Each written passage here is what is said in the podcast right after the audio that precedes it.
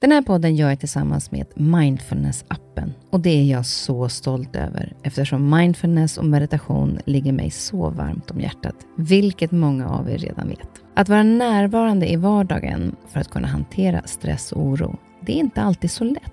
Då kan man ha mindfulness-appen nära till hands för att hjälpa dig när du behöver. För mig kan det vara så till exempel när det gäller sömnen, att vissa dagar då har jag riktigt svårt att komma till ro. Framför allt när det är mycket med jobbet. Då brukar jag använda mindfulness-appen och avsluta dagen med en avslappningsövning för att sänka stressnivån. Det gör det så mycket lättare för mig att somna sen. Oavsett om du kämpar med sömnlöshet, stress eller bara behöver en stund för dig själv så har Mindfulness-appen verktygen för att hjälpa dig att slappna av och sova bättre. Appen är utformad för att passa in i din livsstil med korta övningar som passar även de hektiska schemana. Som lyssnare till Nyfiken på så får ni 40% rabatt på prenumerationen av Mindfulness-appen. Länk till erbjudandet ja, det hittar ni i poddens Instagram, kaspersen nyfikenpa. Eller så går ni in på themindfulnessapp.com kristin. Sluta aldrig att vara nyfiken. Livet har så mycket att lära. Det sa min mamma till mig när jag var liten och det har jag alltid burit med mig och jag har aldrig slutat vara nyfiken. Till varje avsnitt så bjuder jag in en gäst som inspirerar mig på olika sätt och som jag är nyfiken på. Det kan handla om ett ämne, en erfarenhet eller personen i sig. Okända som kända. Att via podden få möjlighet att dela samtalen med er, då hoppas jag att vi ska kunna inspirera er också. Det kan handla om våra drivkrafter, vår hjärna, beteenden, träning, rutiner att vara ledare oavsett om det är i vårt yrkesliv eller privatliv. Helt enkelt dela upplevelser och erfarenheter och genom det lära och inspireras. Idag ska vi få möta Per Johansson, grundare av Glada Hudik-teatern. Han är en ledare som jag är enormt imponerad över. Hans sätt att se att alla människors olikheter gör varje människa unik. Att alla är värda att respekteras och att vi ska lyfta fram människors styrkor istället för att peka på deras svagheter. Han har fått pris för sitt ledarskap av kungen. Han har tilldelats priset Årets eldsjäl 2016 på Svenska hjältegalan och han har vunnit så många människors hjärtan. Jag är nyfiken på vad som ligger bakom hans framgång i hans ledarskap och vad som driver honom att genomföra det som många kan se som omöjligt, där han inte ser några hinder utan snarare möjligheter. Välkommen Per Johansson. Tack Kristin. Hur mår du idag? Jag mår jättebra. Det är en ny dag och jag brukar säga till mina kollegor, så länge man kan vakna upp och dra upp persiennerna, men nu har jag mörkläggningsgardiner hemma och vakna upp till en ny dag får man vara jätteglad. Mm. så jag brukar inte fundera så mycket, men under den här coronapandemin så har jag börjat fundera mer. Så att jag tror jag var lite deprimerad under sommaren här. För att jag ser inget slut på det här. Och då har jag försökt... Alla säger att du kommer lära någonting av det här också. Då börjar jag bara säga nej, det kommer jag inte göra. För jag tycker att det är helt värdelöst. Är du lite tjurig? Alltså, alltså jag kan bli tjurig om sådana här saker för att jag vill ha ett slutdatum. Men jag vill säga att säg till mig att det är slut den 12 januari, då vet jag det. Så att jag har mm. någonting att förhålla mig till. Men när jag inte har någonting att förhålla mig till, då, då blir jag liksom då kan jag bli lite tjurig. Mm. Ja, för till exempel nu den här dagen när vi spelar in så skulle vi gjort Huddingalan. Ja. Jag skulle få vara med, ja. hade äran eh, att få vara med och då så blev det inställt mm. igen, mm. ja. för det skulle varit i våras. Ja. Eh, hur har det påverkat den här tiden? För jag tänker de du jobbar med då, eh, Glada Hudik-teatern, ja. så kan det finnas flera stycken som är i riskgruppen. Hur har det gått för er att jobba tillsammans? Nej, men vi har ju varit i karantän allihop. Alltså, vi, har, vi har inte kunnat träffas. Eh, och vi ska försöka göra ett Zoom-möte och det tog tre veckor för alla att installera den här appen och alla var så jävla förbannade. Liksom, vad är det här?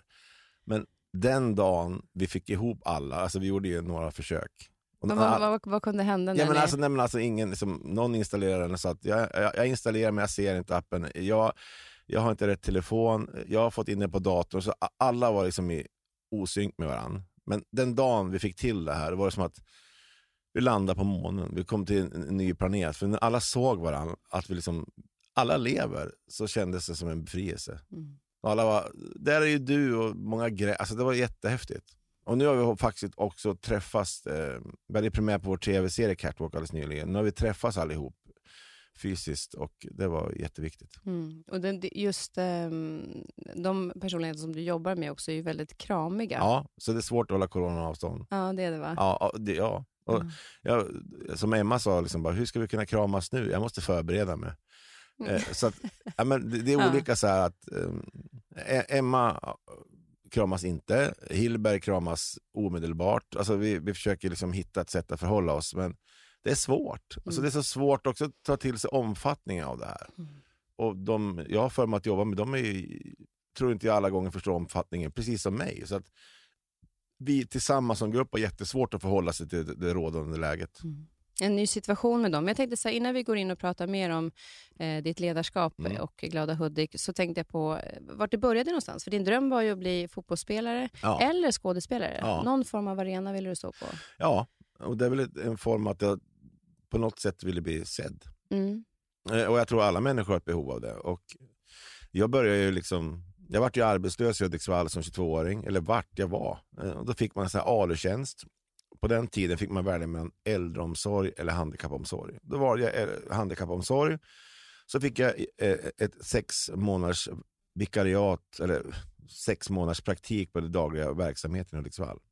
Nej, Hade du någon erfarenhet Nej, utav det? Inga tidigare? alls. Nej. Mm. Jag, jag var livrädd. För jag hade, jag hade aldrig med den tiden mött en utvecklingsstörd, så jag visste inte vad jag skulle möta. Så jag hade, jag hade jättemycket fördomar. Jag tror de kunde slåss och bitas och dreglas. Ungefär så trodde jag. Och det säger jag fortfarande, liksom att så var min inställning.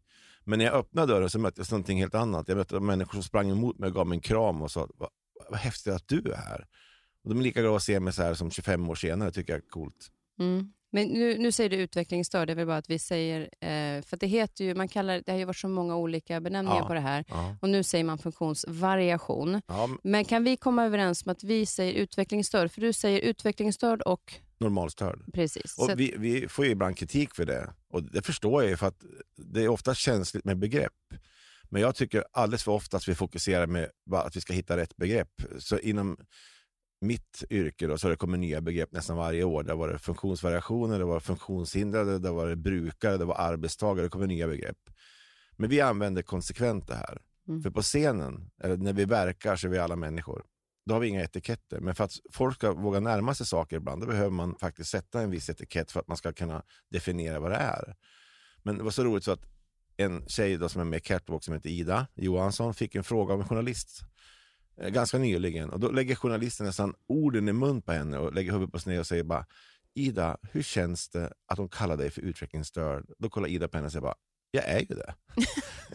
Bara, ja, det är jag. Ja. Men, men som, vi funderar ju inte på det. Det är oftast som, som ibland omgivningen som funderar mer. Ja, men det, det gör det ju lättare när man också säger att vi är normalstörda. Ja, ja, Eh, så att vi kan använda det här så att blir det Ja, ja. lättare än, att, än att blanda in massa andra. ja. För att det är ju godkänt ifrån dig. Ja, men, ja, ja, men alltså, och ibland kan vi få så här när vi medverkar i olika saker att arga tittare ringer, de säger utvecklingsstörd. Men då var det en mamma till ett utvecklingsstört barn som sa en gång att sluta och fokusera på begreppen. Fokusera på att ge mitt barn kärlek istället. Mm. Och när jag fick det, så, det är faktiskt så vi gör. Och då fokuserar vi på det.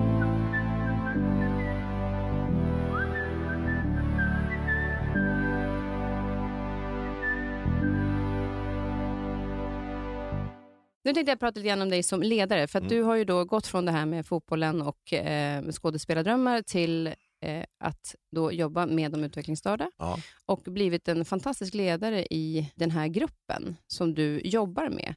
Vad är den största utmaningen för dig att jobba med en grupp utvecklingsstörda som det är med, när du jobbar med Glada Hudik? Det här låter kanske konstigt, det förhåller mig till alla normalstörda runt omkring.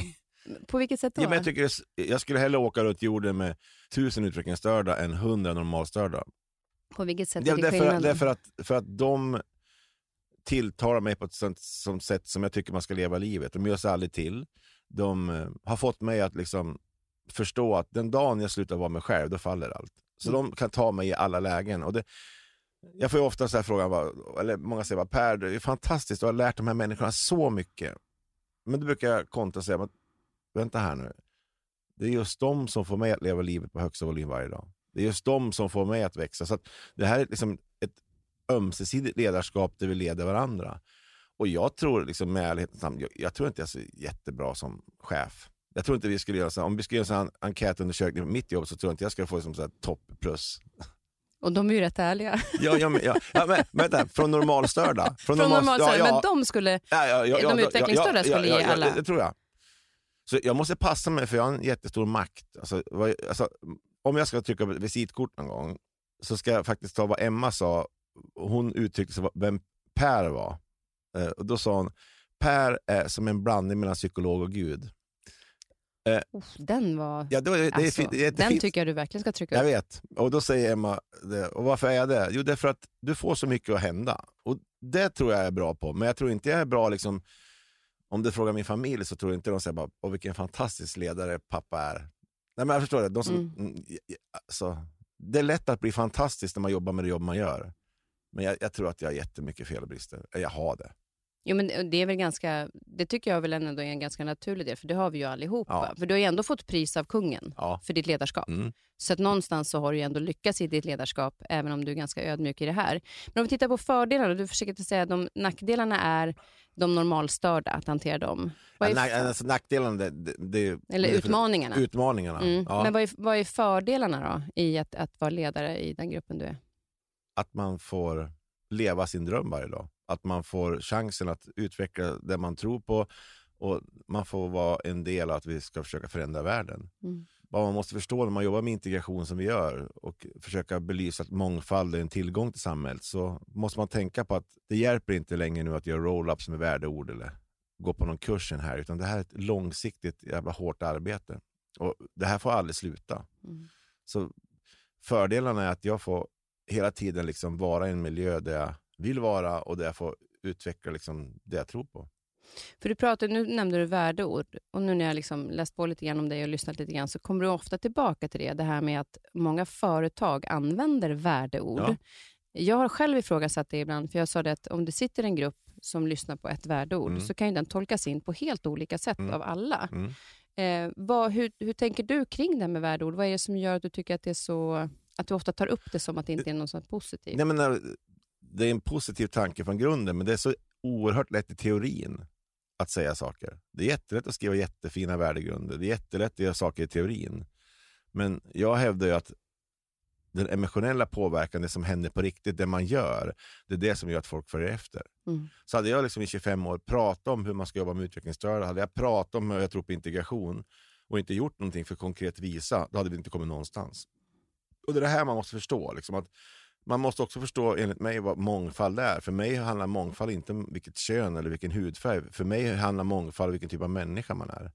Så om det börjar med människan i sig och bottnar människan är människors lika värde, det är då du kan börja jobba med mångfald på riktigt. För nu tror vi liksom att nu ska vi blanda liksom grupper och då, då, då blir det mångfald på en bild. Men för mig handlar det mycket djupare än så. Vi måste definiera egentligen vad det är.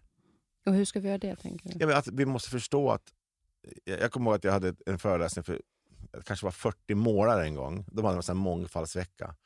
Och när jag kom då, då, då, då stod det att min rubrik Per kommer att prata om mångfald. Då var de ju livrädd. Liksom. Men jag sa så att nu tror ni att jag ska liksom säga att det är ingen mångfald här. Men när jag började, då tog jag, upp, tog jag fem personer i den här gruppen och så började jag fråga dem om olika saker. Det visade sig att de här fem männen som satt längst fram, de var totalt olika. De hade olika musiksmak, de hade olika klädstil, de hade olika värderingar. Alltså, de var jätteolika. Och för mig är det grunden till mångfald, hur man är som människa. Och att man är unik i det man är. Ja, ja.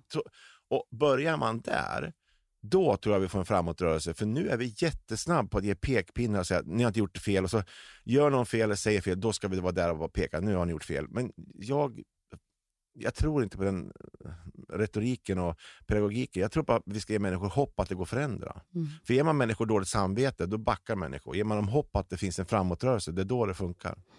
Men du säger också då att, att där är du bra i jobbet. Att, Ja. liksom, att, du har ju varit enormt framgångsrik i det du gör och Mm.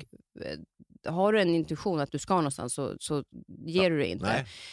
Familjewise är det lite annorlunda. Ja, jag tror, Eh. som jag tror inte mina barn älskar Glada Hudik-teater lika mycket som jag gör. Varför inte det? Därför att en gång sa min dotter Elsa så här bara, pappa du säger att man ska se andra och så glömmer oss ibland. Nej. Jag vet. Och, och jag är inte stolt över det. Alltså, Nej. alltså, Men det är starkt av dig. Jag tycker det är coolt att du säger det, för det visar ju ändå att man ser... Du lyssnar ju på vad hon säger. ja, fast jag tror inte att, alltså, jag, jag tror liksom att det här dåliga samvetet kommer förfölja liksom, mig resten av mitt liv. Men det tror jag alla föräldrar har på något sätt. Jo, det, det tror jag att vi har. Sen är det det att, vad tror du är som gör att det skiljer åt att du inte är lika bra ledare hemma som du är på jobbet? Att hemma är jag, tror jag för emotionellt engagerad. Så, så, så, så, jag har ju fått sån här får såna här tics nu och lyssna på livscoacher. Ja, det är så roligt för då säger de så här, bara, ta det tid. Det är liksom en så här, då kommer det upp såna här flash, ta det tid. Men säg det till en ensamstående mamma som bor på sjunde våningen, kan inte gå ner i tvättstugan och har tre ungar som vill spela hockey och hon har inte råd till det. Kan man säga till henne så här, ta det tid? Det kan man inte. Mm. Så, en så pappa som liksom försöker få liksom sina barn till skolan, liksom inte hinner, liksom, har blivit arbetslös. Ta det tid. Alltså, det är bara, vi säger bara massa saker ibland. Och då Mm. tycker jag liksom, så är ju inte verkligheten. Jag Mm. tycker, att, jag tycker också att det är så befriande när folk säger bara, nej, jag vill inte göra för jag, jag orkar inte. Alltså, så att, Fast det är väl okej? ja, men, ja, men det är det jag säger, att Mm. ju mer vi vågar liksom visa helheten som människa, desto mer framåtrörelse. Mm. Men jag kan hålla med om det här just det här med att när man är ledare utanför jobbet och hemma, att det finns en, just det här känslomässiga som kliver in. Att Mm. jag, jag tror jag, är svårare att sätta, jag är ju svårare att sätta gränser för mina barn, Ja. för att jag tycker, ja men det gör ingenting. Och så är jag så jävla kär i dem så att jag tycker att det är okej. Ja. Fast det kanske inte är då på jobbet, då hade jag varit otroligt mycket tydligare. Men det finns en, en, en, styrk, en sån stark kärlek och rädsla för att de, jag vill inte se dem ledsna eller besvikna på mig. Nej. Jag kan ta att någon annan gör det. Ja. Istället för att tänka att ja, men sätta gränser precis på jobbet och som hemma är ju bara bra, Mm. som oftast. Ja, men det är största nederlaget att barnet blir besviken. Ja. Jag vill, jag vill bara komma tillbaka också till det här med liksom drivet i mitt ledarskap och just min, min egen uppväxt. Jag, jag hade en jättetrygg uppväxt och jag hade en jättetrygg barndom och jag, liksom, jag är uppvuxen i Delsbo. Det är inte så långt från Järvsö. Nej. Eh, Och där tyckte jag liksom att vi spelade hockey på vintrarna, det var, så, det var idylliskt, lekte sparka burken, vi spelade fotboll. Liksom. Jag, jag, jag visste bara om Delsbo, vi åkte in till Hudiksvall var det som att åka till månen. Tyckte det var jättehäftigt att åka 53an in. Men en av mina drivkrafter är liksom att jag tror att allt jag presterar är att jag ska bli omtyckt. Varför är det så viktigt? Därför att jag tror att kärlek till mig, att om jag ska bli älskad så måste jag göra någonting konkret. Och Det är en drivkraft i mitt ledarskap. Så att när du berättade att jag fått en medalj av kungen, det vet jag, den står där hemma i hyllan. Men jag kan inte ta på den, att den är tillägnad mig. Jag kan inte, jag kan inte känna att det är någonting. Det är som att det är en ruta framför som man står och knackar på. Där står en massa saker som jag har fått som tycker att jag var duktig. Men det är omöjligt att ta till, jag kan inte ta till mig, så därför måste jag hela tiden vidare. Så jag, jag är svinjobbig att ha att göra med för att jag, liksom, jag stannar ju aldrig upp. Jag kan aldrig sätta mig i soffan och tänka bara, gud vad bra det här blev. Utan jag ser inte det, utan jag tänker bara, vad är nästa jag ska göra? Men samtidigt så säger du ju att, att, att jobba med det här gänget som du med Glada Hudik, de ger ju dig den bekräftelsen väldigt ofta Ja. i den du är. Ja, fast det blir också liksom ibland en schablon för mig för att jag tror att om jag ska bli fulländad som Per Johansson så måste jag prestera. Så att allt är kopplat till att jag vill ha mer kärlek. Mm. Och det är ju jättetragiskt för det säger mer min egen uppväxt än, än, om, än om varför jag gör det. Alltså, det, det alltså, Fast vi är ju i behov av bekräftelse. Sen kanske det handlar om också att, att man kan försöka bekräfta sig själv ibland. Är du bra Ja. på det? Nej. Kan du bekräfta dig själv? nej. Mm. Nej men alltså, nej, jag är svår. Alltså, jag har svårt att se liksom... Ja, jag har svårt ibland att, att riktigt njuta. Kanske ska fundera på den då. Ja, jag vet. Jag ska också kanske hitta en sån här livscoach. Ha, ha, bara sitta så här säga bara, ta det tid. Ja, jag vet, jag ska göra det.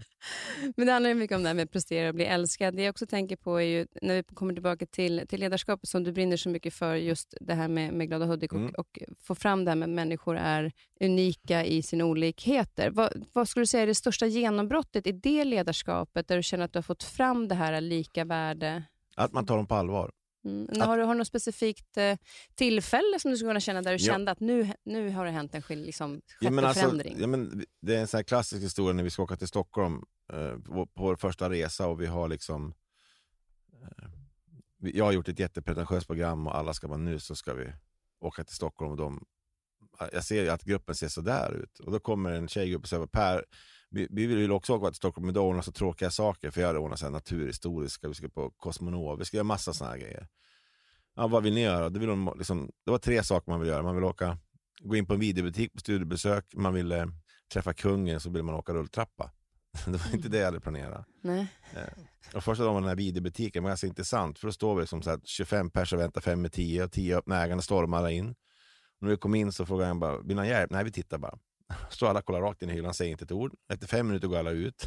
När vi kom ut en kille så här, det var som i Hudik. Ja, så, här, så går vi vidare. Och sen var de glada, nöjda ja, med det? nöjd med det. Ja, de ville bara säga att videobutiken såg Ja, ut i Stockholm ja, som i ja, Hudik? ja. Okej. Och sen ja. var det kungen och där kom vi upp på, liksom, på slottet och jag ordnat en privat visning.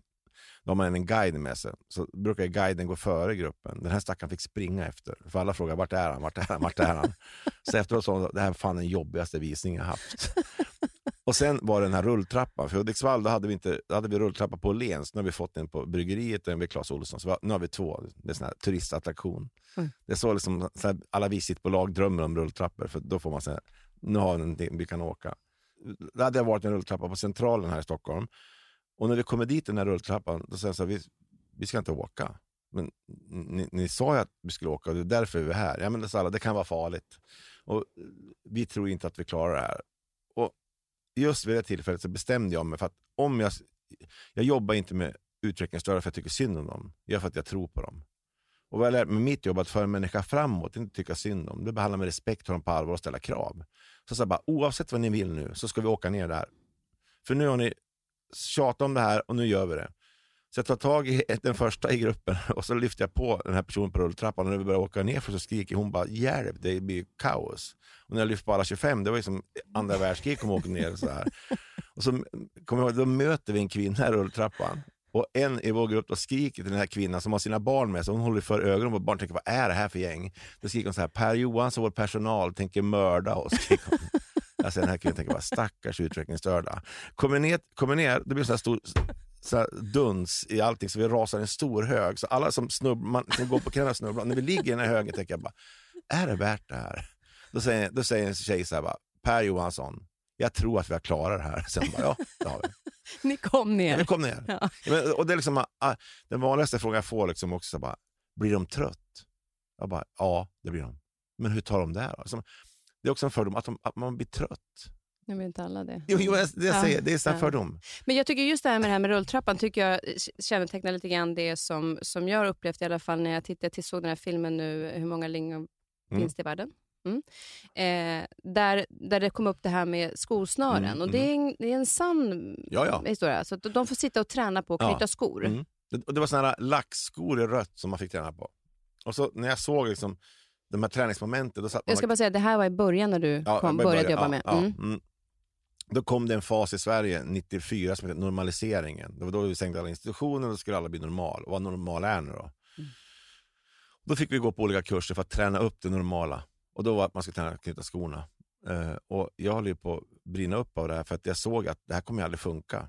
Och, och vad jag är bra på att det är att jag ser vad, vad, vad folk klarar av. Och, alltså, man ser någonstans som man klarar man inte av det efter fem gånger, då är det någonting som inte stämmer. Så vi, vi bad, jag, jag hoppade av den där kursen, så åkte jag in på en skoaffär i Hudiksvall. Då köpte jag ut 15 par skor med kardborreband. Då hjälper en kille i gruppen som heter Lennart Lundberg, som tyvärr inte längre lever. Eh, Också en utvecklingsstörd man som har betytt oerhört mycket för mig. Då lägger han armen om mig och säger så här, Per, är det över nu? Och hur länge hade de tränat det där? ja, längst, vi kollade upp det, en tjej som hade hållit på med såna här träningskurser hade gått totalt i åtta år. Och fortfarande inte kunde knyta skorna? Nej, Men- men, det- och, det, det- och det är där jag menar någonstans, att du verkar som att så här, vi kan väl spela fotboll? Ja. Nej, det alltså så här, att, att du, du går över... jag måste utmana. Alltså jag, jag hävdar, liksom så här, för ofta då säger man så här, när människor har diagnoser, då säger man att man måste anpassa allt. Jag hävdar ju, det är klart man ska anpassa, det är inte det jag säger, men jag tycker att man ska nagga i diagnoserna. Mm. Jag tycker så här, behöver människa struktur, då vill jag ha ostruktur. Men vad, vad, Bara, bara, för, bara för att jag tror att om man till möjliggör allt för att hjälpa diagnosen, då tror jag diagnosen blir starkare. mm. Men om man då tänker hur du då ska göra när, när... För det här var ganska länge sedan. Ja. Det var, när var det du började med... 96. 96. 25 år. Eh, alltså jag började på dagcentret, jag får guldklocka liksom nu. Grattis. Ja, det är stort. Alltså, Det är stort. ja, Det är jättestort. Men, men då när du utmanar de här gränserna, Mm. vad, för jag tänker på föräldrarna till exempel, att som förälder så vill man ju skydda sitt barn. Ja, och jag kan tänka ännu mer med, med när man har barn med, funktions, Ja, ja. Eller med utvecklingsstörda, för att inte andra ska tycka till och de blir tittat på och så vidare. Hur mötte du... Nej, men jag mötte det med eh, naivitet och eh, ganska eh, osympatiskt, för jag förstod inte vad föräldrarna pratade om. Eh, för det vart ju, vid vår första föreställning så, så var ju föräldrarna jättemot det här. Eh, och till vår första föreställning 96, Tomta på rymmen, det var ett ganska konstigt namn också, fick vi bort alla berättelser. Och, eh, jag, jag kommer ihåg när det var ett krismöte innan, när alla föräldrar ber till mig liksom att gör inte det här. Och en mamma berättade liksom att hon födde sin, sin, sin dotter på slutet av 50-talet. Och di diagnos Down syndrom. Och det första läkaren sa att lämna bort din dotter och glöm att, glöm att hon har fötts. Mm. Så hon gjorde det. Hon lämnade sin dotter i institution i 17 år. Om hon hämtade hem sin dotter och skulle gå och äta på restaurang med familjen för att liksom, prisa att hon var tillbaka, då kom de inte in på restaurangen för man tyckte dottern hade ett osmakligt utseende. Alltså, då, återigen där, där hörde jag vad de sa. Jag hörde precis vad de sa, men jag såg någonting annat.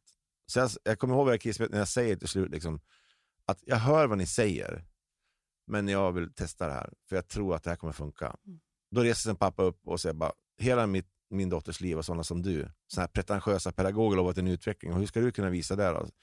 då ska jag skämta. Liksom. För ibland när jag hamnar i sådana situationer måste jag skämta mig ur för jag vet hur jag ska förhålla mig. Då sträcker jag fram en sån här biljett. Ta en biljett och kom och titta. Då slog han ur biljetten i min hand så gick han därifrån. Och på premiärdagen kommer jag aldrig glömma, för det var ett sånt här hål i, i ridån som man kunde se. Vi, sålde inga Jag fick ju tvinga dit mina kompisar. Mm. Och sist kom ju föräldrarna. De var ju livrädda. De satt sig längst bak och bara kollade rakt ner i backen. Så tänkte jag bara, går det här fel nu? började bara försvinna. Så gick ridån upp och föreställningen gick lysande och så efteråt var det så här stående ovationer. Efter kom föräldrarna och tårarna rann. De bara, så här, det här är våra barn. Mm. Och liksom, Då fick jag också en bekräftelse på liksom att ja, det här var faktiskt rätt. Om jag ska lyfta fram en egenskap som jag är bra på, att jag har en oerhört stark intuition. Jag är inte så intelligent. Alltså, du skulle inte vilja ha mig som en intelligent rådgivare, men intuitionen är jättestark. Ibland kan den ha fel, men när jag vet att det är rätt, att det här kommer funka, då, då, kör, då lyssnar inte jag på någon annan. Det känns ju verkligen som att du ser dem. Ja. Och gör det att du också ser dem i det, så här, nu, det där tyckte de om att göra. Ja, jag, ser, jag, tror jag, ser med andra, jag tror jag ser med andra ögon.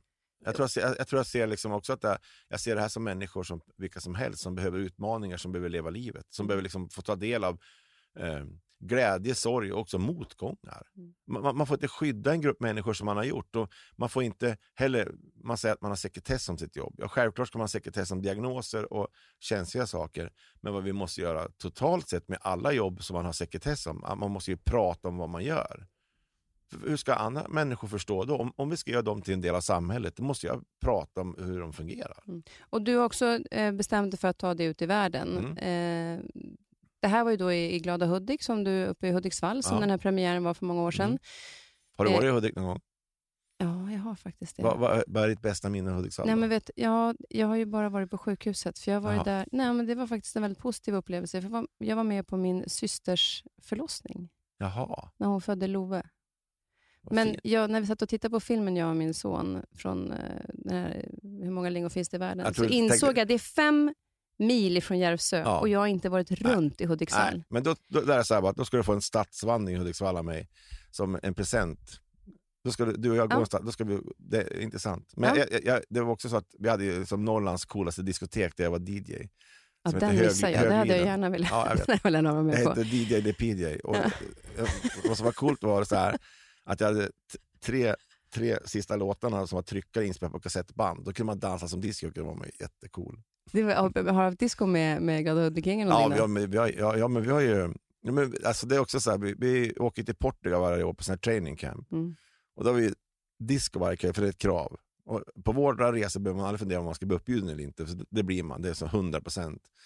Och, och så en rolig grej som hände, så, så är vi på det här diskot och um, då säger de från hotellet att vi vill överraska er en kväll. Jaha, hur då? Vi har en Mickey Mouse-dräkt, så en av våra hundar kommer komma in i en sån här stor Mickey Mouse-dräkt. Så en kväll kommer Mickey Mouse in på det här diskot i Portugal. Alla flög på den här stackaren och kramade i två och en halv timme, så han höll på att dö där inne. Alla vill ta selfies. Så när, han går, när han går därifrån, då vinglar han så här. Och så dagen efter, då är det, det är så här morgonmöte, då reser Sida, vår grupp, och säger bara Per, jag vill säga en sak.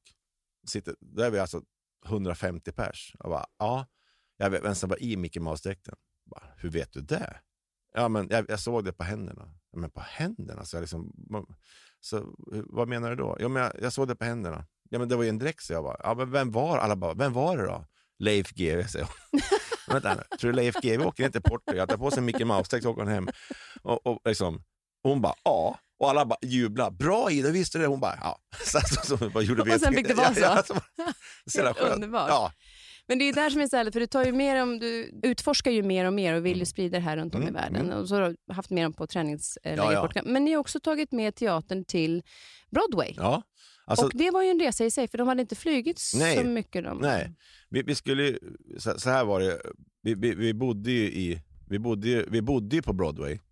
Och så spelade vi vårt, alltså vi fick inte tillgång till någon teaterlokal där, så vi spelade, vi spelade pjäsen då i Brooklyn, det här var 2010. Och då hade inte vårt gäng, kan säga, flugit någon gång. Alltså, vi flög ett testgång till Gotland och det var sån här nära döden upplevelse. För då, när, då fick vi liksom lyfta in tre i plan för ingen ville åka med. Men jag måste, då, då står flygvärdinnan när vi ska till Gotland, står det här lilla planet och ska göra den här safety on board-grejen. Och då tar jag på sig en flytväst. Och då skriker en kille bara, Per Johansson sa att vi skulle flyga. Då sa hon så här bara, jag har aldrig varit med om en säkerhetsgenomgång som jag fått avbryta, men jag gör det nu. Jag vet. Men den här till om ni skulle landa i vattnet, ja men det har inte han sagt. Så, nej, nej, nej, jag vet. Men när vi, när när vi landade i New York så, Underbara. när vi landade då var som som släppa så här bisvärm på flygplatsen, så var alla bara bort alla håll. Och då fick jag en sån här ångestattack, för jag tänkte bara, vad händer om inte alla kommer in i landet? Vad gör vi? Jag hade ingen här plan B. Så jag bara, nu måste vi säga att vi är turister. Så jag går runt där och säger, när ni kommer till tullen där borta, så måste ni säga att ni är turister. Alla bara, varför då? Och vad betyder tull? Så jag skit i det. Så jag, de frågar i alla fall vad ni gör här, så ni ska visa ert pass. Bara, ah, okej. Och när vi kommer till tullen, då skriker den första killen så här, Per, ska jag säga att jag var terrorist eller tourist? men, men också så jävla häftigt, för att där fick jag också klart för mig hur viktigt det mänskliga mötet är. För att de här tulltjänstemännen, helt plötsligt från att vara ganska kall, så vart de så här jättefascinerade av våra... Så att eh, en av de här som jobbar i den här securityn, han följde med oss ut till, liksom, till bussen. Han var liksom så en i gänget. Och det, det, var, det är det jag vill också påvisa, att hur viktigt det mänskliga mötet är. Mm. Men också, vi, vi flyger till New York också när vi gjorde catwalk nu. Just det. Ja, men då, det var också så roligt för att jag är sådär på engelska, jag är inte bra alls. Och jag, jag är jätteobekväm. Och när vi ska till USAs ambassad på, på sån här intervju så, så var jag faktiskt nervös. för att liksom, Om de ställer svåra frågor till mig och inte jag förstår, då kommer jag sitta där som ett ufo. Då står vi i kön, för att när man ska få såna här arbetstillstånd, då står man i en sån här lång kö. Som man, det är som att man står och väntar på att man ska in i sån här förhörs... Ja, det, det är en sån här tryckt stämning. Och så står jag bredvid Ida och säger så här bara, Ida, jag är inte så bra på engelska, men det är lugnt, hon. Häng på mig, jag är grym, sa hon. ja, men vad kan du för engelska? Eh, vad- Gud, vad, vad kan du då? Ja, ish-libbidish. Så- så- men vad Alltså, skönt. de vet- Ja, men vad skönt, Ida. Alltså, det, är så, det är så enkelt på något sätt och de har inget filter. Eh, och det, det tycker jag, och det är det som jag vill säga också, så här, när, när man skrattar nu så skrattar man ju mer om för Ja. de är så jäkla Ja, men underbara. jag, jag, jag, jag, det, det, alltså, släpp det lite, s- sluta det här med det här pretentiösa. Alltså, jag kanske också upplevs som pretentiös, men släpp liksom hästarna fri ibland. Mm. Så tror jag liksom alla människor, om vi får vara friare som människor liksom, och få vara den vi är, det är då det blir enklare. Liksom, för ofta ska vi in i en mall. Och det, det förstår inte jag. Så, till exempel att Idag är det populärt med nätverkande. Nu bara pratar jag. Du ställt frågan, men jag måste Nej, säga men det. Men, men jag kommer ihåg det. det. Det är så populärt med nätverkande idag. Så åker jag till Almedalen då, då, som nätverkar HR-chefer med HR-chefer. Och det blir otroligt homogent. Alltså, så man nätverkar med samma grupp människor. Mm. Men jag tycker det är lika intressant att sitta på travet med de här gubbarna som tippar trav och lyssna på vad de säger. Som att sitta på en nätverksträff med HR-chefer. För att jag ska kunna förstå mitt jobb så måste jag göra ett tvärsnitt genom hela samhället. Men skulle det inte egentligen vara fler som gjorde det? Jo. jag? Men, men vi är för rädd. Det, det är just om vi ska lyckas med integrationen fullt ut, då kan vi liksom inte bara ha en gala en gång per år och då sitter människor och gråter och tycker att det här är häftigt. Vi Men vad- måste, vad det här måste vi jobba de- 365 dagar om året med. Ja, men vad tror du att vi är rädda för då? Därför att vi, vi, vi tror att sådana här snabba lösningar är svaret. Det är därför vi åker och gör, här, vi gör en värdegrundsutbildning en gång per år, så är det klart där. Vi gör en gala och så är det klart där. Liksom, det här handlar om varje dag, 24 timmar. Mm. Och Det här måste vi förstå, för att om vi börjar förstå det, då tror jag att vi kommer komma mycket, mycket längre. Mm. Och Jag tror att alla människor föds goda. Jag tror liksom att det är liksom hur vårt samhälle formas. Liksom, och så måste vi sluta skylla ifrån oss. Vi, vi, vi måste försöka tillsammans hjälpas åt. Och jag, jag tror att börjar vi förstå det så tror jag, jag vill införa ett ämne i skolan som heter mångfald och tolerans till exempel. Där vi börjar jobba från grunden. För jag hävdar liksom att går man i skolan för att möta killar och tjejer med down syndrom så får man inte så lätt fördomar mot utvecklingsstörda. Går i skolan för att ha en lärare som är från Afghanistan så blir det inte så lätt rasist. Jag tror vi, vi måste, nu måste vi liksom börja göra, det vi skriver i alla de här fina dokumenten, det måste vi göra på riktigt nu. Mm. Och Det är någonting som vi, som, eh, vi behöver. Och det är, ju, det är ju så många instanser och allting är så komplicerat och det är ju där det gäller någonstans att vara envis. Ja. Eh, det du gör med dina filmer är ju verkligen att förmedla ett budskap. Och då tänker jag nu med Catwalk. Mm. För den, var, den är ju otroligt stark. Mm. Alltså, du gråter och skrattar. Och jag vet inte någon film jag har sett som är så kärleksfull. Och Det var en av dem som jag satt och tittade på som säger så här att vad fantastiskt att de fick uppleva det här och vara med på den här mm. resan. Mm. Och Då så sa vi också allihopa typ samtidigt, bara, ja, vad fantastiskt för oss att vi fick uppleva mm. det här. Ja. Spela in med film, Mm. Alltså det här med manus, och så, det är ju liksom en dokumentärfilm. Ja, ja. Men hur, hur går det tillväga? För det är ju inte alltid så att de kanske gör som man säger. Nej, men det, det, alltså, när man gör en dokumentärfilm, då, ska man ju, då följer man ju verkligheten. Och ibland så, så funkar ju inte i verkligheten att filma för den blir för spretig. Men alltså, vårt gäng är ju sig själv i alla lägen, så det är inget problem. Sen ibland får man ju ta om någonting. Om man ser någonting bra som man inte fick med så, så kanske man ber göra en gång till. Bara för att liksom, det här måste vi dokumentera. Mm.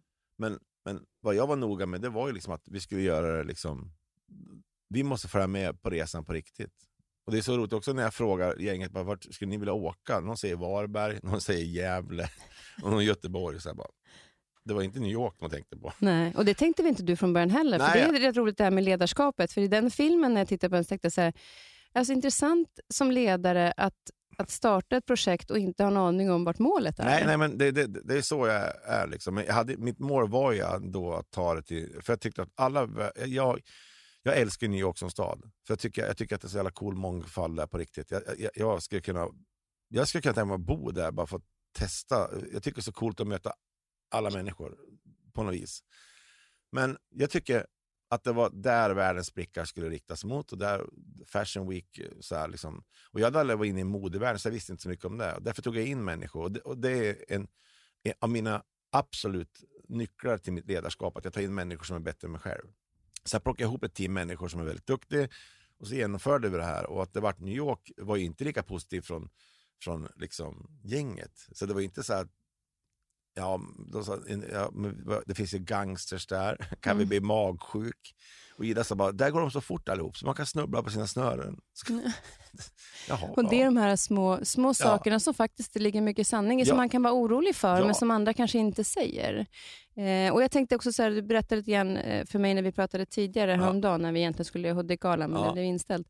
Så eh, Niklas då, Ilberg, som är med i eh, Catwalk, att han, eh, han är homosexuell. Ja, och Niklas är ju världens bästa människa som jag har känt under lång tid. Och Han har inte pratat så mycket förut, men han har pratat bara mer och mer. Och ju mer man lär känna den här människan så blir han...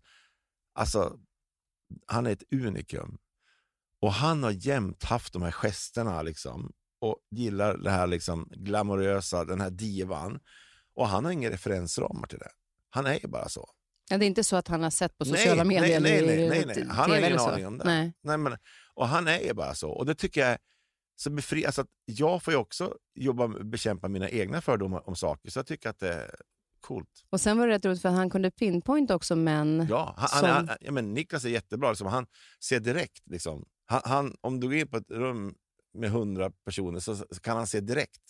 Vilka som andra ja, som ja, han skulle ja, kunna mäta blicken med som är homosexuella. Ja, Jag, tycker, jag tycker att det är så jävla coolt. Och han är så, och så sån här varm människa, när man får en kram av han, liksom, det, det kan liksom, om man vill ha påfyllning, då, då ska man få en kram av Niklas. För han är liksom så här, han är som en liten, ibland som en liten boll som man vill bara ta med sig. Han är, mm. så, han är, nej, han är Ja, det är otroligt speciell. Ja, ja, ja, ni, han... ni, som inte har sett Catwalk ska ju verkligen se den med mina varmaste rekommendationer. Det finns en fantastisk scen när du och Niklas lagar mat tillsammans. Har du någon tjej eller kille nu? Det är Tille har jag. Har du kille här? Mm. Magnus Karlsson. Magnus Karlsson? Ja. Han som var med i Barbados? Ja, han det. Ja, hur har ni träffats då? Ja, jag har gjort. Men tillsammans då? Ja.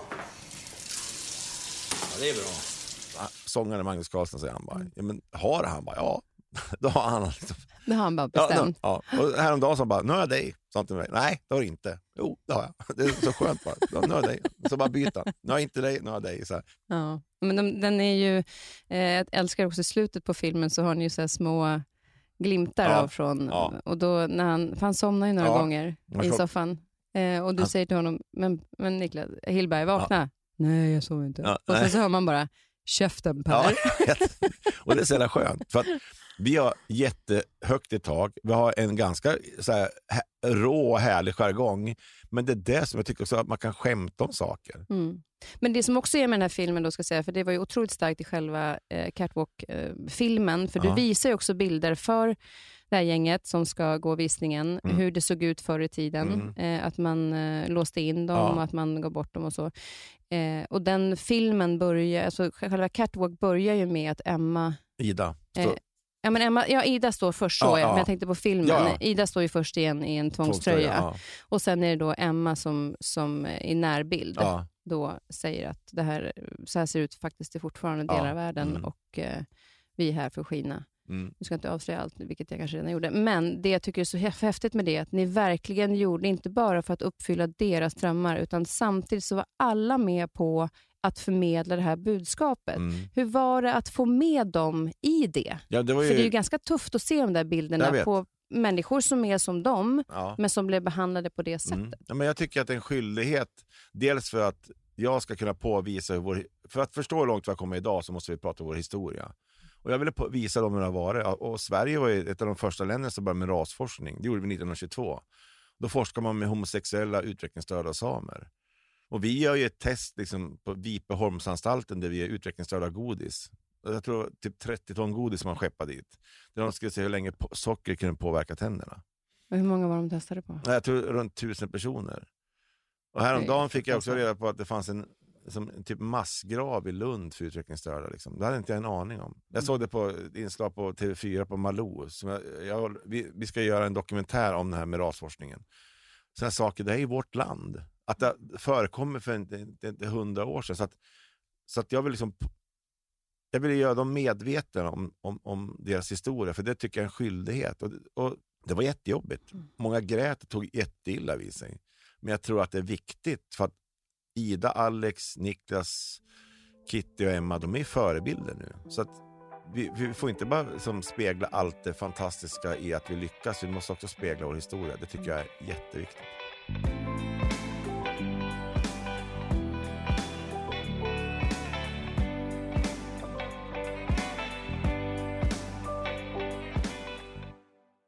Och Det är viktigt och det har ju väldigt mycket att göra med också så här, att vi förstår att de är olikheter och eh, utvecklingsstörda, eh, hur vi möter dem. För det Ja. har ju varit någonting som vi inte riktigt har vetat och vi har en, en liten lyssnarfråga här. Ja, Hej Per, Leon här.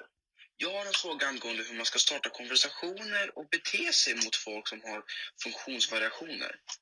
Eh, hoppas du svarar bra på den här frågan eh, och tack. Eh, ja, det är min son då, Ja. som, som jag har suttit och tittat på de här filmerna Ja. med. Och eh, just viljan att möta, men att man blir så osäker, för de är ju så olika Ja. allihopa. Nej, men, eh, eh, mitt enkla råd, bemöt de här människorna precis som vem som helst.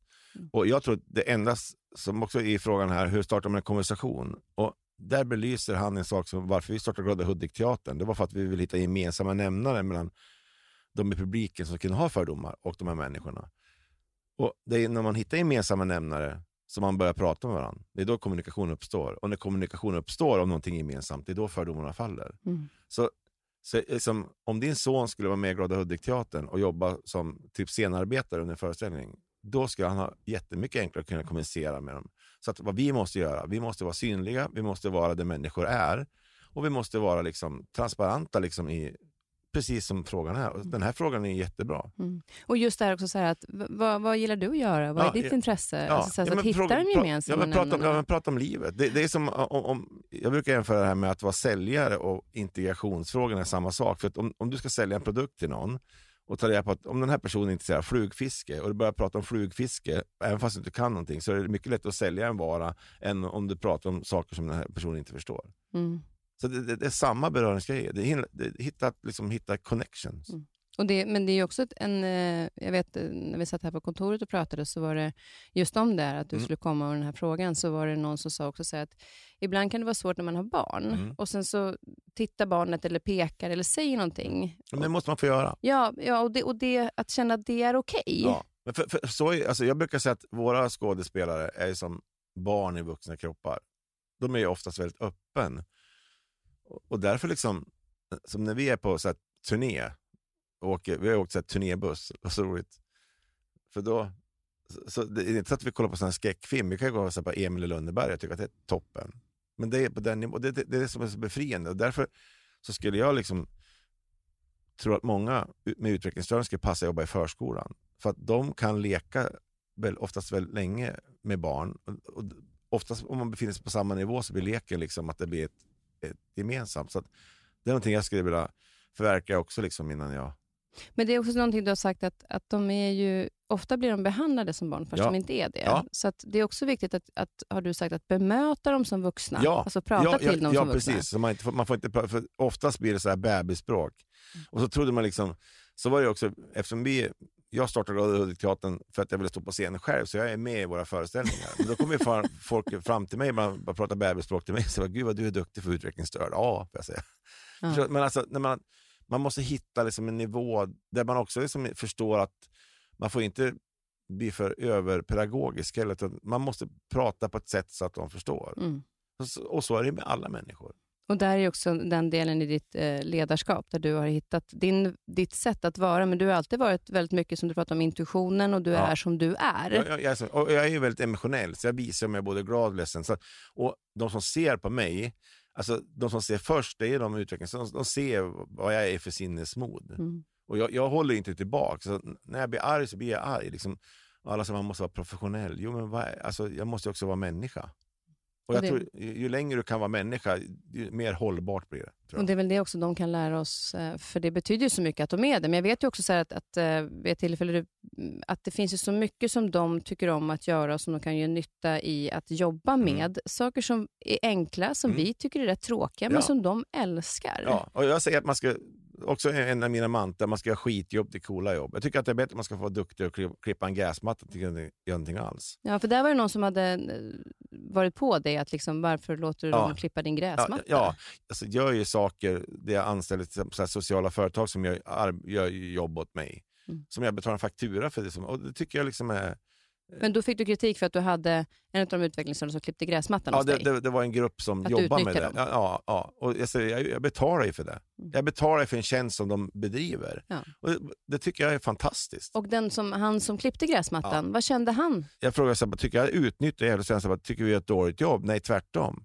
Då säger han så här, jag var sjukskriven så länge och har aldrig fått en plats. Äntligen får jag känna att jag är bra på det. Nu låter det få vara så. Mm. Och det, det är just det liksom att jag tror att det här med jantelagen är vår största folksjukdom för att det gör att vi inte kan få vara, vi måste också ha en mångfald i arbetet. Och många människor hamnar utanför, i utanförskap för man känner att man inte duger till till någonting.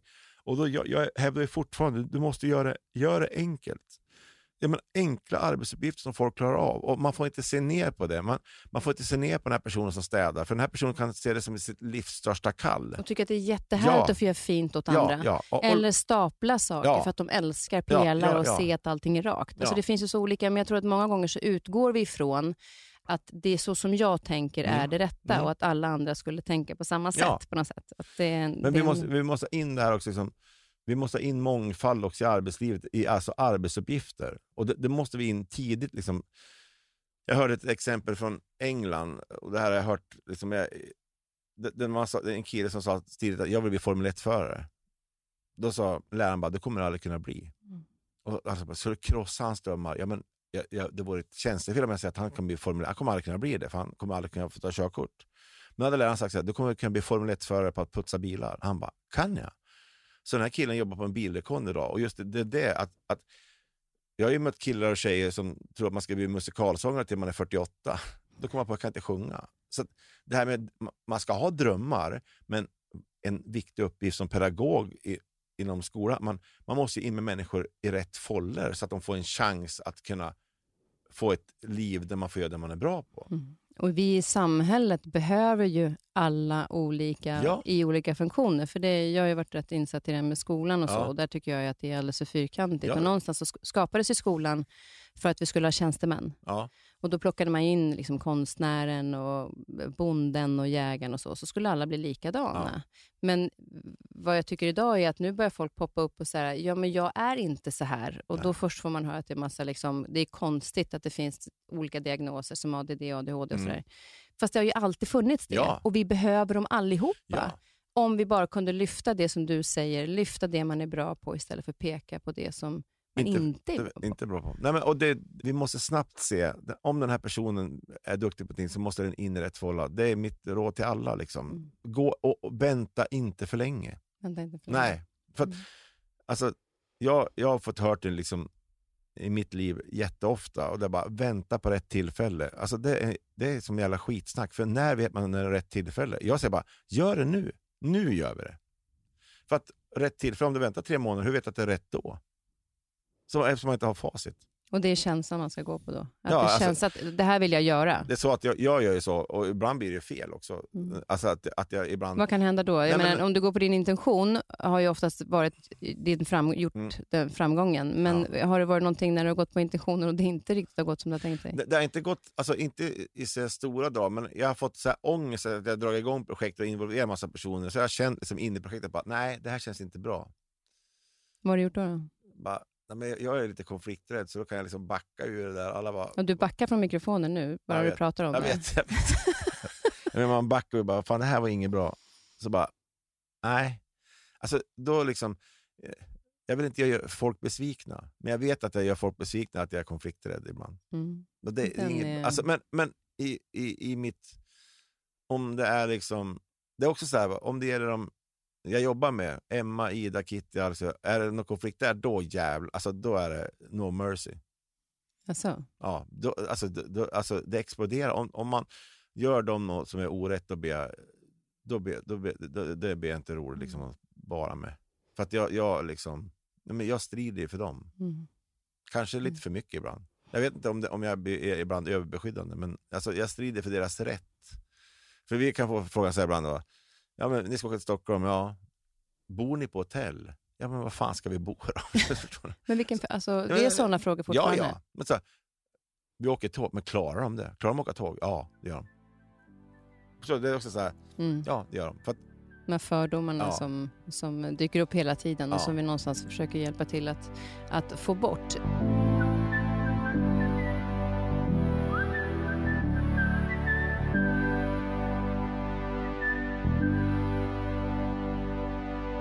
I början så nämnde du det här med att du ville bli bekräftad och Ja. att det fanns en sån här... Men du hade någonting som du var nyfiken på som du har berättat för mig innan, Mm, som mm. du skulle vilja ta upp, som handlar om uh, det här med tävling och så. ja, varför man vill bli bäst. Varför kan man inte nöja sig med att, det, att man är topp 10? Förstår du? Varför vill man bli bäst i någonting? Och vad är, vad, vad är drivkraften bakom det? Ja, För jag tänker nästan att du egentligen, på ett sätt i personligt bra, så satt du på en bra, bra svar för den, för att du vill ju få bekräftelse. Mm. Eh, men jag har ringt upp några stycken som eh, jag känner, som har varit elitidrottare. Ja. En kompis med mig som heter Per, han var tidigare basketproffs och spelade i landslaget. Nu är det kanske 30 år sedan, eller så. Nu ska jag, jag säger 20, så låter det Men, snällare. men har, har du hållit på med någon idrott? Om jag har gjort det? Ja. Nej, men jag har hållit på med väldigt många idrotter. Jag är halv... Jag är, är lite bra på li, mycket. Men vilken idrott är du bäst på? Jag vet inte om jag är bäst på någonting. Ja, men, Men jag tror så här att om jag går in för någonting, Ja. då, då ska jag fasiken lära mig det. När jag, liksom min pappa spelade golf från när jag var liten och Ja. det tyckte jag var jättejobbigt. För fick han var ju på golfbanan i fyra timmar och följde man med fick man ju inte ens prata. Nej. Alltså man skulle vara tyst hela tiden. Vad är det för social sport? Nu är det lite ändring på det, men däremot så när jag väl bestämde mig, jag tror det var 2008, att jag skulle sänka mitt handikapp, för då hade jag 36, då hade jag bestämt mig inom två år ska jag sänka det till 18, för jag, det är rätt lätt att räkna då. Mm.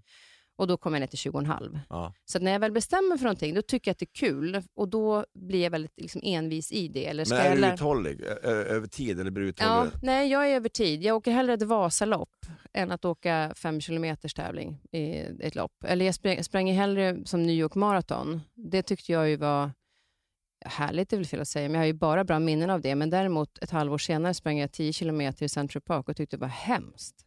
För då måste man springa snabbt hela tiden. Jag vill inte att det ska vara jobbigt. Jag vill gärna så här, jag är uthållig tror jag i det.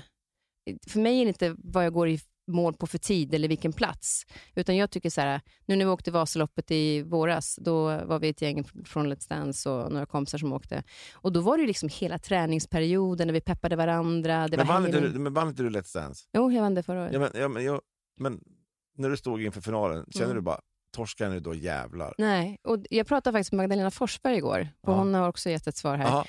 Eh, och Då pratade vi just om det här när, när man går in för någonting. För att jag kan vara tävlingsmänniska när jag eh, spelar spel med mina barn eller ska slå straffsparkar när de var små. Och så där. Då, kan jag bli så här, ja, men de ska väl lära sig att, att inte, man kan inte vinna hela tiden. typ. Och jag vet inte, det är på gott och ont. Därför att när jag var liten så fick jag alltid vinna och det gjorde att jag tyckte det var jobbigt att förlora. Så Ja. jag tror jag tänkte lite olika där. Men däremot när jag gick in i Let's Dance så bestämde jag mig för att jag vill, varför går jag med? För att jag vill lära mig dansa. Jag ska inte fokusera på tävlingsdelen någonting. För dels har jag ingen lust att leva med mig själv som tävlingsmänniska i flera veckor. Utan jag vill verkligen lära mig dansa. Så när jag gick in på, på trappan, mitt mål var att lära mig att dansa så många danser som möjligt. Så när vi stod i finalen så insåg jag att jag fick dansa alla danser. Sen när jag vann, då, eh, som Magda påminde mig om igår, att då kom, så säger hon så här, kommer du ihåg att du sa, fan vad kul det var att vinna? Jag har aldrig vunnit någonting på det sättet. Då slog det mig att det här var ju skithäftigt att få vinna någonting. Det hade jag inte riktigt upplevt på samma sätt. Nej. Så för mig var resan hela målet egentligen. Mer än att liksom, kommer jag få den där skon eller inte? Och det, var, och det var ganska jobbigt under tiden, därför att det var väldigt många som var på mig och sa, Jodå, du är tävlingsmänniska. Ja, fast den när jag ställt till sidan, så säger du bara. Och det var nästan den jobbigaste känslan, alltså få mentalt jobba med mer än att träna. Att andras förväntningar och vad de tyckte att jag var.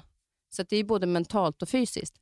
Men det jag tänkte på det här med då, de som då verkligen är på elitnivå. Varför ska man liksom vara bäst? Ehm, per tyckte att det var en väldigt bra fråga och han sa det att många gånger så är det ju tränare och ledare och förebilder inom samhället, media, sociala medier, eh, är väldigt duktiga på att fokusera just på att privilegiera vinnaren i det. Eh, Man läser då väldigt sällan historier om den som kom på tolfte plats. Man belönas efter prestation. Precis som du säger, du belönas och du får bekräftelse. mm, Det gör att vi känner oss bra. För honom handlade det mer om att var jag, var jag bäst så kom jag med i A-laget. Alltså han hade någonting att kämpa för. Ja. Eh, Magdalena hon sa att hon fokuserade inte när hon stod på startlinjen att vinna. Utan för henne handlade det om att göra loppet så perfekt som möjligt. Den perfekta tekniken, den perfekta skjutningen. Så hon sa till och med att ibland när jag vann och inte var glad, kunde jag liksom inte vara glad ibland. För att jag kände själv att det var inte den bästa prestationen. Och alla sa, men du vann ju. Ja, men det skiter jag i. Alltså hon var inte nöjd. Så där handlar det mer om, om eh, prestationen i sig. Däremot säger hon att hon eh, spelar spel och sånt, då behöver hon verkligen inte vinna. Men någonting hon tycker är så här riktigt roligt, då vill hon göra den perfekta prestationen. Och Sen pratade jag med en kompis som inte är elitidrottare, men som älskar att tävla. Och Där pratar han om det här adrenalinet som går igång på startlinjen för att jag eventuellt kanske skulle kunna vinna, även om man aldrig gör det, säger han. Men den optimala känslan måste väl ändå vara att man någon gång får bli världsbäst på någonting. Att det finns en sån drivkraft. Och när jag tittade på de här olika svaren och lite grann när jag läste om dig som ändå på ett sätt inte en tävlingsmänniska, men också som Jo, vill ha den här, Ja, men exakt. Och så ifrågasätter du varför man, frågar varför man vill vinna. Jo, Det är finns ju jag- en sån person i dig. Ja, ja, absolut. Mm. Men jag, jag, eh, Anna Tibelius Bodin var här för några avsnitt sedan och vi Mm. pratade om hjärnan som Mm. hon har forskat och tittat på väldigt mycket. Och tänkte, finns det någon förklaring längre tillbaka i tiden? Och Då sa hon att Eh, min förklaring till varför vi vill komma etta är i första platsen eh, och förknippas med överlägsenhet gentemot andra, vilket förstås innebär ett högre överlevnad för våra förfäder. Inte minst tävlingen eller striden det handlade om att överleva. Inget har så stark betydelse för oss som ökande möjligheter att överleva. Så att på savannen så handlar det ju om att om jag vann eller om jag liksom Ja. vann den här striden, då överlevde Ja. jag. Så att någonstans har vi nog också tillbaka i tiden, fast vi inte tänker på det, den här drivkraften, för att det handlar om överlevnad. Det ska jag säga nästa gång vi spelar padel med polarna och blir Ja, förbannade. exakt. Det handlar om att överleva. Exakt. Eh, och det, handlar fan om bra. Ja, men det är ju det. Det, kom, handlar om, ja, då kommer man ju undan när de spelar spel också. Det handlar om överlevnad. Ja, och framförallt överleva den, då liksom, om man förlorar och någon ska reta en hela tiden. Nu överlever jag det här. Så det handlar om överlevnad. Ja, tack. Det, alltså, sånt här tycker jag är jätteintressant. Ja, men Mycket det, research. ja, men det är spännande. Sånt där tycker Men, jag. men, alltså, men ändå, att när man, när man säger så att det är bara resan. Jag, tror liksom att du också... äh, Nej, men vi kan ta det någon annan gång. Nej, men, ja, men det är det som är så roligt. För nu säger du, du tror att det bara är så. Där, och så ska jag då stå kvar. Om jag ska klara av den här resan, säg att jag är i den nu, och du säger så här, men jag tror inte att det är så. Då ska jag stå kvar i det och skärma av vad du tänker. För att om jag släpper fokus på det som fungerar för mig, Ja. att ta mig vidare. Men inte drivkraften. Alltså, Drivkraften var ju varje vecka att lära mig dansa så bra som möjligt. ja, du, För Ja. mig. För Ja. jag, min dröm var ju när jag var liten att bli dansare. ja. Ja, det, gjorde, det lyckas ju. Ja, ja men, men jag fick ju testa i alla fall eh, till slut. Så det var ju riktigt eh, skitkul. Och jag kan säga att när jag nu väl vunnit en grej, fy fan vad det var roligt. Du, över, du överlever Alltså nu. det var så roligt. Jag överlevde. Eh, jag tänkte på att vi bara skulle prata lite grann nu om det projektet som du har framöver. Det här Ja. med forskningen, dokumentären Mm, och så. mm. Så du får berätta lite grann om den. Men vi ska, Sverige mm, säger man, fyller inte... Alltså det, det var ju, 2022 är det 100 år sedan Sverige startade Rasbiologiska institutet. Och det vill jag belysa. Jag vill belysa liksom hur det ser ut i andra länder. Eftersom vi verkar nu i Makedonien och Lettland och vi ska in i Georgien. Vi jobbar mot andra länder för att hjälpa dem med den resan som vi har gjort i Sverige. Och som vi, vi jobbar med att vi utbildar utvecklingsstörda som föreläser i de här länderna. Och vi jobbar mot barn i skolan. Så har vi jobbat jättelänge här i Sverige också. Och då så vill vi belysa det här för att när jag är ute och pratar på gymnasieskolor idag, eller när jag pratar med eh, elever, så vet ni vad rasforskning är? Alla bara, nej. Så det, det är ett mörkt hål i svensk historia att vi inte har belyst det här mer. För att det, vi måste förstå att det här har hänt i vårt land. Och jag, jag vill ju då åka tillbaka i tiden och försöka förklara hur det här var. Men det får inte bli för, tungt, eh, för tung förklaring, utan det måste bli också en hoppfull förklaring. Hur gör du det då? Alltså, jag vill liksom hitta liksom så här ett format där man åker tillbaka och möter de verkliga miljöerna, bara hur det var. Mm. Och, så, och när, jag, när man har börjat forska om och gjort research om det här så är det, det är fruktansvärda berättelser. Mm. Och att det här har hänt liksom, i vårt land, det är för mig helt ofattbart. Det är också när jag kommer till andra länder som vi jobbar nu, så här, när man kommer till institutionerna, liksom, att det finns ju fortfarande kvar. De är fortfarande undangömda. Många, I många länder kallas de här människor för idioter och de ska bort. Liksom. Så det här, vi, vi, vi, har, vi har ett jättestort jobb att göra här. Att vi vill ju på något vis, och vi är ganska, tycker att vi är ganska cool för vi ser att vi exporterar människovärde och vi vill ju ut med det här. Vi vill, vi vill liksom dela med oss av våra erfarenheter. Vi, som, vi vill släppa in människor. För jag tror liksom att ju mer historier man kan berätta om saker som har fungerat, desto mer tar folk efter sig. Mm. För vi har gjort väldigt konkreta saker och det tycker jag är bra. Men är, är Glada Hudik-gänget inblandade i det här? Ja, de kommer Ja. vara inblandade. Alltså, sen vilket format, men jag vill göra en historieresa. Liksom. En historieresa i, i hundra år tillbaka i tiden. Så att vi, vi håller på nu, dels måste vi ha ihop det ekonomiskt, men vi måste också hitta ett format som gör att berättandet inte blir för tungt, utan det, blir, det ska bli ett berättande så att folk kommer ihåg. Och om man ska göra det här så måste man göra det oerhört trovärdigt, oerhört så att historien blir berättad rätt. Och vad skulle du, vad- kommer vi se Glada Hudik-gänget? Det är ju svårt nu med, med eh, pandemin som vi är i, men finns det någonting som ni Ja, men vi, håller på planer? med, vi håller på med dels att vi vill ju nu tillsammans med våra partners göra så att alla årskurs 8-elever i Sverige ska se Catwalk-filmen. Mm. Eh, vi har, ju- jag har släppt en tv-serie nu som bygger på Catwalk i sex delar som finns på Viaplay. Som är faktiskt där man fördjupar sig i varje skådespelare. Den- Det här, och den vart jätte, jättebra. Där man liksom får sätta sig in i deras liv, hur de är som personer. Så att det händer ju saker hela tiden och vi, vi, vi kommer ju fortsätta liksom och lägga ner. Sen håller vi på med också med en ny föreställning som vi hoppas kunna sätta upp kanske 2022 som heter Gruppboendet.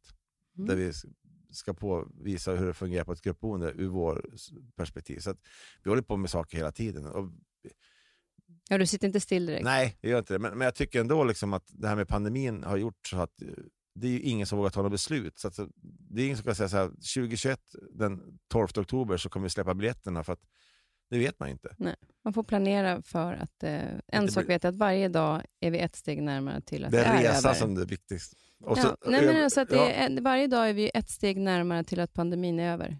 Även om vi inte vet när, så vi är varje dag en dag närmare. men Nu, tänk- nu garvar du bara, för du vill ha ett slutdatum. Ja, men kan jag ni- kan inte ge dig. Men jag kan i alla fall säga att en, kan du inte ringa någon, ringa någon och kolla då? Jag kan göra så. Men jag tänkte innan vi bara nu ska avsluta och fika Ja. lite. Vart kan man få tag på dig när det gäller om man vill ha dig som föreläsare? För jag har sett din föreläsning, den är fantastisk. Ja, så jag tycker alla Då kan, alla. man, då kan man gå in på min hemsida som heter parj.se.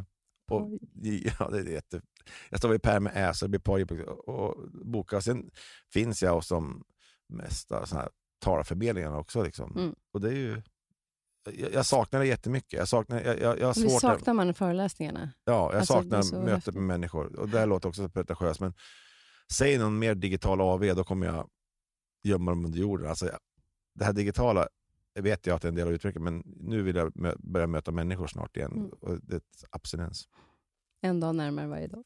Jag ska sluta. Men, eh, men det, vi ska inte sluta med, med mina ord. Utan vi ska, vill, har du någonting så här som... Eh, de säger ju så mycket härliga saker eh, jag- i kan- din grupp. Finns det någonting som vi kan så här, ge, ge eh, de som lyssnar, som de kan ta med sig? Ja, du ska få ett citat av Ida Johansson. Mm. Eh, Hon är ju en fantastisk kvinna. Och det måste jag säga, Ida och Emma, när jag var på väg att åka Vasaloppet Ja. så skickade ni en hälsning, Ja. en film till mig. Ja. Den hade jag i mitt huvud. Det tog ju extremt lång tid i år för det var ju så skitdåligt Ja. väder så att jag åkte ju 10.45 tror jag det tog.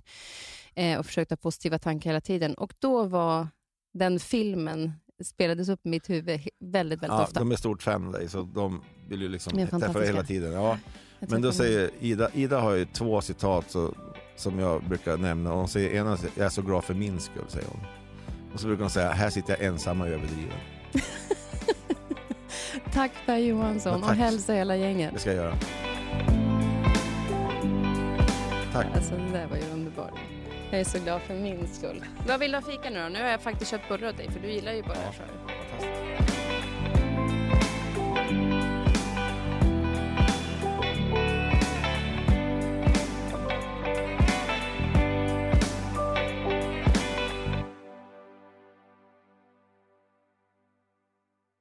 Den här podcasten är producerad av Perfect Day Media.